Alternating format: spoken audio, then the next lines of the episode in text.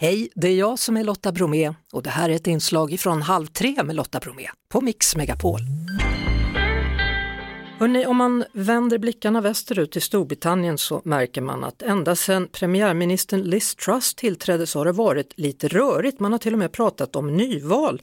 Så därför Camilla Coates Carr, välkommen till Halv tre, hallå och hur har ni det egentligen? Hej Lotta, ja det är en salig röra här.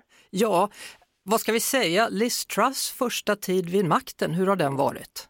Stackars Liz, det måste man ju faktiskt säga därför att eh, hon fick ju ingen sedvanlig smekmånad. Först dör drottningen två dagar efter hon blev premiärminister och sen så hela folket ropade efter hjälp med el och gaskostnader efter sorgeperioden var över. Så hon skyndade sig väl för att få, få fram någonting. Och sen så, så kom den här minibudgeten som faktiskt blev en maxibudget. Alldeles för mycket, alldeles för fort. Och eh, när Truss hade sin första audiens med kungen mm.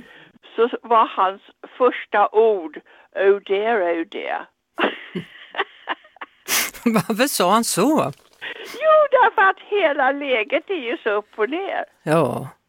Ja, en salig röra. Ja, hon vill alltså då bland annat sänka skatterna från 45 till 40 procent för de rikaste om jag fattat det rätt. En hel del tyckte människor var bra men det här blev så, en sån stor sak så att det, det växte och växte. Jag menar, den här budgeten den, det var ju som en ballong. När man blåser upp ballongen så viner den iväg i höjden och sen börjar den dala ner med helt andra ljud. Så att hon har erkänt att de hade inte förberett marken ordentligt och det här var för mycket för fort. Och då fick finansministern sparken? Ja, alltså, man måste ju säga stackars honom också. Han hade ju varit en av hennes allra starkaste anhängare och han fick inte reda på det förrän han landade. Han hade varit på ett viktigt möte i Washington och så fick han se en tidningsrubrik att han hade fått sparken. Alltså, kan du tänka dig? Och sen har det kommit en ny finansminister då och då är det Jeremy Hunt, han som tävlade med Boris för några år sedan om makten.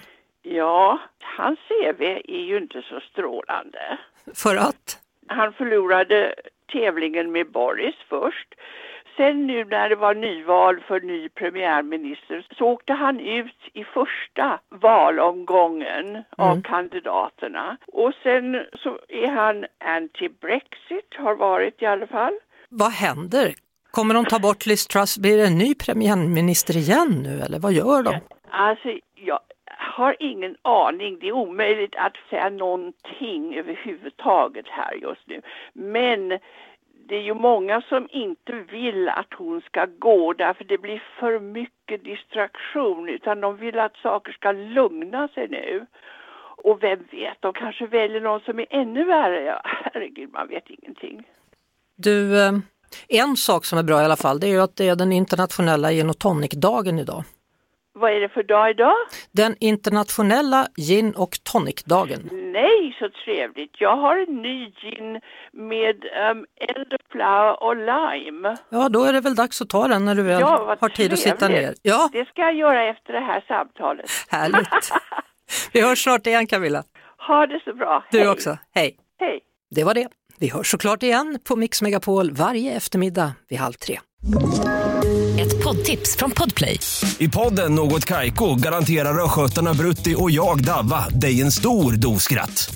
Där följer jag pladask för köttätandet igen. Man är lite som en jävla vampyr. Man har fått lite blodsmak och då måste man ha mer.